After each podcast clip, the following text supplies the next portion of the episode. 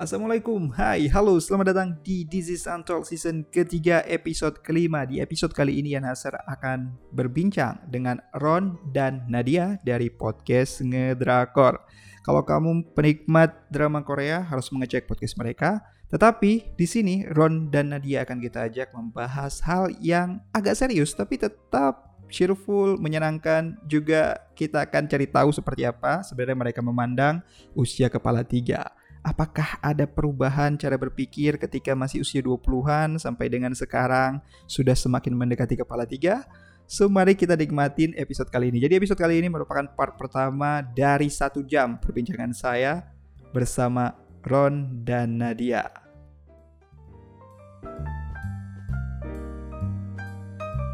Oke, Ron, lu udah 32 kan? Subhanallah Tuhan kali. Kan ya nggak saya sama anda itu cuma beda berapa bulan ya lahirnya hmm oke okay, okay. Seingat saya kita... anda di Juni kan mm-hmm. yeah. Juli lah Juli oh anda di Juli saya Mei yeah. saya sama Mei. Nadia di Mei tapi Nadia beda beda tahun dia Nadia tuh lahiran tahun 71 kalau nggak salah Oh, pantesan ya. Pantesan dia emang lebih senior dan lebih bijaksana daripada kita. Terasa ya, terasa banget kan. Bener. Iya. Iya, gimana? Mau diklarifikasi, Nat? Nggak apa-apa suka-suka Rian aja yang penting bahagia di podcast ini. Oke okay, Nat sebagai hmm. orang yang sebenarnya kita tahu sih uh, lo tuh nggak setua itu kita tahu. Nah tapi kan saya tuh juga penasaran Nat. Ini ngomongnya nggak konsisten ya kadang saya kadang lu gitu ya. Jadi kita hmm. sepakati aja ngomongnya saya aja ya soalnya di saya di aja biar iya sopan. Hmm. sopan sopan iya, benar-benar. sopan gitu kan. Iya, Nat, deg-degan nggak menjelang kepala tiga? Biasa aja sih. Biasa aja. Jadi Nadia itu nggak pernah kepikiran bahwa usia kepala tiga itu harus ada pencapaian apa gitu. Arti kepala tiga buat Nadia itu apa sih? Nggak ada arti apa-apa. Jujur, mungkin kalau waktu dulu ya, kalau hmm. ditanya, eh kamu kamu saya ya di sini ya? Iya, iya kamu saya.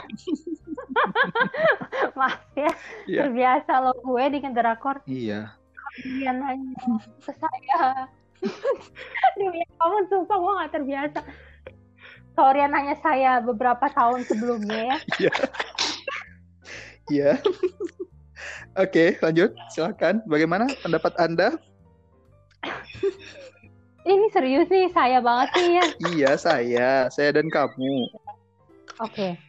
mungkin kalau kamu tanya saya beberapa tahun lalu mm -hmm. saya masih kayak aduh saya pengen ini deh saya pengen itu deh mm-hmm. cuma nggak tahu kenapa ya sekarang saya tuh lebih kayak ya udahlah nikmatin hidup aja tuh hidup cuma sementara gitu mm-hmm. kayak nggak berasa mungkin karena akhir-akhir ini apalagi semenjak masa pandemi ini mm-hmm. kita kayak lihat banyak banget berita kematian lah apalah segala macam gitu kan mm-hmm. kayak itu saya tuh makin mikir lagi kayak soal hidup ya emang hidup kita nggak ada yang tahu gitu kayak capek-capek ngejar yang ini ujung-ujungnya ternyata nggak ke sana ya gimana gitu daripada depresi atau apa lebih ke ngalir aja sih gitu sekarang. Hmm oke. Okay. Kalau Ron gimana Ron? Kalau saya sih sebenarnya bukan orang yang punya target atau apa ya, tapi saya tuh terbilang ambisius gitu. -hmm. Karena uh, di usia 30 ini terutama di satu sisi nggak pengen jadi bertambah tua, tapi di sisi lain kayak kayak gimana sih? Penasaran juga gitu kayak gimana sih rasanya memasuki usia 30 gitu. Dan sebenarnya beberapa waktu yang lalu sempat kepikiran juga kayak oke okay, udah mau masuk 30 nih uh, kira-kira apa ya hal-hal yang belum pernah dilakukan sebelumnya ketika usia 20 dan di us di selama satu dekade di usia 30 ini kayak pengen mulai untuk melakukan itu gitu. Jadi ya itu ambisinya jadinya kayak pengen melakukan hal-hal yang belum pernah dilakukan sebelumnya. Kurang lebih kayak gitu sih sekarang. Oke. Okay. Jadi Riani ngundang dua orang yang sangat berbeda ya. Yeah. Satu yang benar-benar iya. ambisius tertata, satu yang sangat luar. Iya, iya ini menarik ini ya. Ada dua kubu sebenarnya ya. Jadi saya sebagai moderator, moderator aja nih di sini. Okay. Nah, Anda sendiri melihat dari apa yang disampaikan oleh Ron, dia dulunya ambisius dan masih punya beberapa hal yang ingin dicapai. Hmm, gimana Nat? Nah dia kan juga tadi Enggak. sebelumnya juga pernah berpandangan bahwa ada target tertentu, tapi karena pandemi akhirnya berubah gitu kan. Apa tuh turning pointnya sampai berpikir bahwa hmm, mengalir aja? Apa memang karena berita kematian itu begitu sering terdengar atau karena ada hal lain?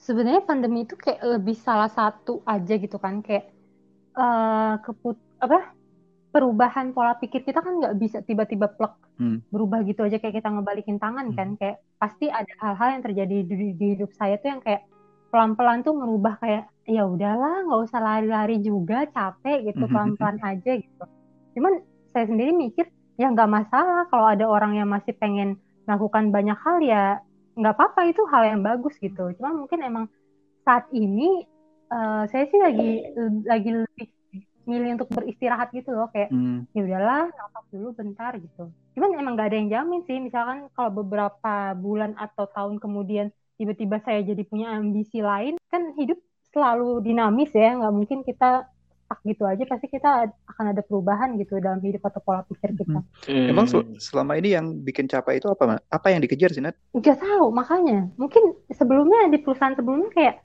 kerja benar berbelas-belas jam, pulang nyampe tinggal numpang tidur doang, terus pagi habis subuh udah harus jalan lagi. Hmm. Mungkin kayak hal-hal itu secara nggak sadar bikin kayak aduh capek ya. Kebetulan uh, suami saya kan juga tipe yang uh, Wallace gitu kan. Hmm jadi kayak dia tuh gimana ya uh, kita tuh kadang suka bercandain umur gitu mm -hmm. kayak misalkan pas mau olahraga pagi bareng kayak ayo gerakin tubuh tuamu gitu. Terus kita kayak bercanda-canda yang pun ini uban udah nunggu aja gitu. Jadi kayak ya nggak ngerasa takut untuk tua untuk apa sih? Kita lebih kayak lebih ke bercandain aja. Hmm bercandain umur malah ya. Berarti Nadia tuh udah Bukan lebih apa ya namanya? Ya Wallace yang kayak tadi ya. Maksudnya sudah sadar bahwa nggak semua hal itu harus diburu-buru juga harus dikejar juga ya. Lagian abang juga udah ada hmm. di sisi ya Nat ya. Alhamdulillah, Alhamdulillah. nah ini untuk kita nih Nat yang adiknya belum ada di sisi kita kembali ke Ron nih Nat. Ron kan masih masih ada ambisinya nih masih ambisius nih. Oke okay. Eh. Ron apa sih yang belum sempat Ron lakukan sehingga mungkin sekarang berpikir bahwa menjelang 30 atau 30 ingin lakukan? Tapi ke, ke Korea kan udah sering Ron. Itu udah nggak masuk ke dalam list dong ya? Sekarang pengennya ke Italia sama ke Phuket.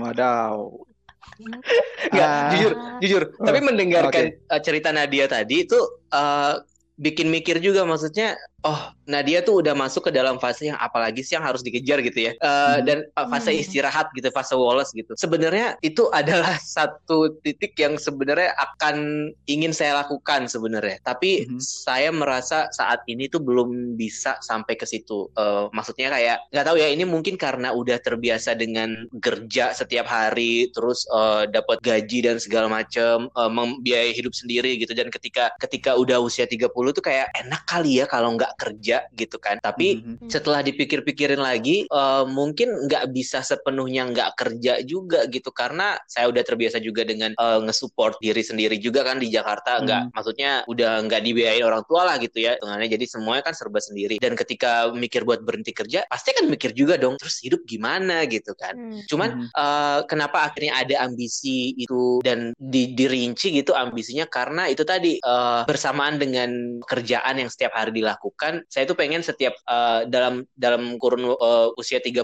ini ada sesuatu yang baru yang paling enggak tuh di luar dari pekerjaan terus yang bisa nge ngebanggain diri sendiri gitu loh kayak oh oke okay, di usia hmm. 25 misalkan atau enggak kemarin 2 29 deh 29 28 gitu oh iya nih udah mulai bikin podcast nih podcast K-pop K-popan hmm. gitu sesuatu yang emang dari lama banget udah dipengenin tapi belum terwujud terus akhirnya hmm. kesampaian bikin di uh, perusahaan sebelumnya bareng sama Kaskus gitu dan masih berjalan sampai sekarang gitu itu sebuah pencapaian juga kan dan hmm, sekarang iya, pas masuk uh, di usia 29 bikin ngedrakor sama Nadia gitu. Uh, masih merintis sih, masih belum masih belum kayak serame ke Koreaan tapi kita akan menuju ke situ. Insya Allah gitu kan. Dan uh, apa ya? Akhirnya tuh setiap tahun ada sesuatu hal yang baru yang paling enggak bikin saya jadi mikir uh, ketika nanti misalkan udah masuk ke fasenya Nadia gitu ya, fase rehat, yang fase Wallace kayak ya udah deh kan udah pernah bikin itu juga, udah pernah bikin ini juga gitu. Jadi hmm. mungkin memang ini waktunya untuk rehat. Sebenarnya saya tuh lagi pengen menargetkan udah di Jakarta dua tahun lagi deh. Habis itu udah mhm. nggak mm -hmm. mau nggak mau di Jakarta lagi. Pengen pulang mm -hmm. kampung aja gitu. Pengen pulang ke Lombok aja. Sering banget bercandain orang-orang kayak iya nih pengen pulang ke Lombok pengen jadi petani gitu. Terus mm -hmm. kayak kemarin sempat ada yang bilang ya petani kan juga kerja gitu kan. Iya juga mm -hmm. sih mikirnya iya juga sih petani juga kerja. Cuman selama usia 20-an dihabiskan di Jakarta jauh dari keluarga dan segala macam tuh kayaknya kesannya ada banyak banget hal yang hilang gitu ya dalam hmm. dalam artian uh, perkembangan-perkembangan di rumah gitu ponakan-ponakan tiba-tiba udah gede aja gitu kan tapi kok kayaknya saya nggak pernah ada di situ ketika mereka tumbuh gitu. Jadi mungkin hal-hal itu yang kemudian membuat usia 30 ini jadi jadi terfikir gitu. Kayak dulu kayak pas usia 25 emang pengen sedang liar-liarnya gitu kan kayak nggak mau pulang pokoknya nggak mau pulang kampung gitu. Pulang kampung kalau bisa setahun sekali kalau kalau butuh kalau nggak butuh nggak usah pulang gitu. Kalau sekarang justru kayak ah, kayak pengen pulang deh kayak pengen tahu deh perkembangan orang-orang di rumah tuh kayak apa. Jadi lebih ada sisi sentimental soal rumah yang gitu sih hmm. kalau sekarang. Di di samping juga tadi ada ambisi-ambisi itu. Karena kondisinya mungkin saya nggak bisa langsung 100% lepas gitu ya. Kayak oke okay, nah dia mungkin bisa kayak oke okay, udah wales aja tak gitu. Tapi kalau saya ah, gimana nih? gitu. Karena kita masih hmm. hidup di society yang kalau kita nggak punya kerjaan kita diomongin. Kalau kita punya kerjaan nggak pernah iya. pulang tetap diomongin anyway gitu kan.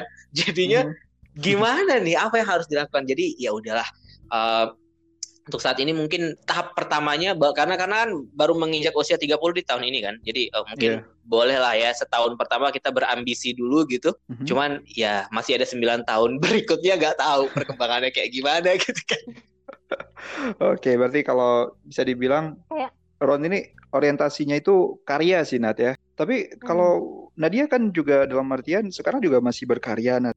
Nah, ini kalau misalnya dengan ya mungkin tadi kan Ron sempat sebutin bahwa ada fase Wallace. Nah, saya juga agak sedikit relate karena ketika memutuskan untuk resign dan memulai hal yang baru juga sebenarnya karena itu, karena ingin menjauh dari buru-buru, pengen jauh dari kayak kok dikejar sama ya sama kerjaan terus gitu, malah kayak nggak sempat benar-benar tahu apa yang diinginkan gitu kan. Nah, hmm, hmm. dan akhirnya uh, turning pointnya turning pointnya adalah ketika baca bukunya ini siapa Tim Ferris. Pernah baca nggak? Yang for for the work week.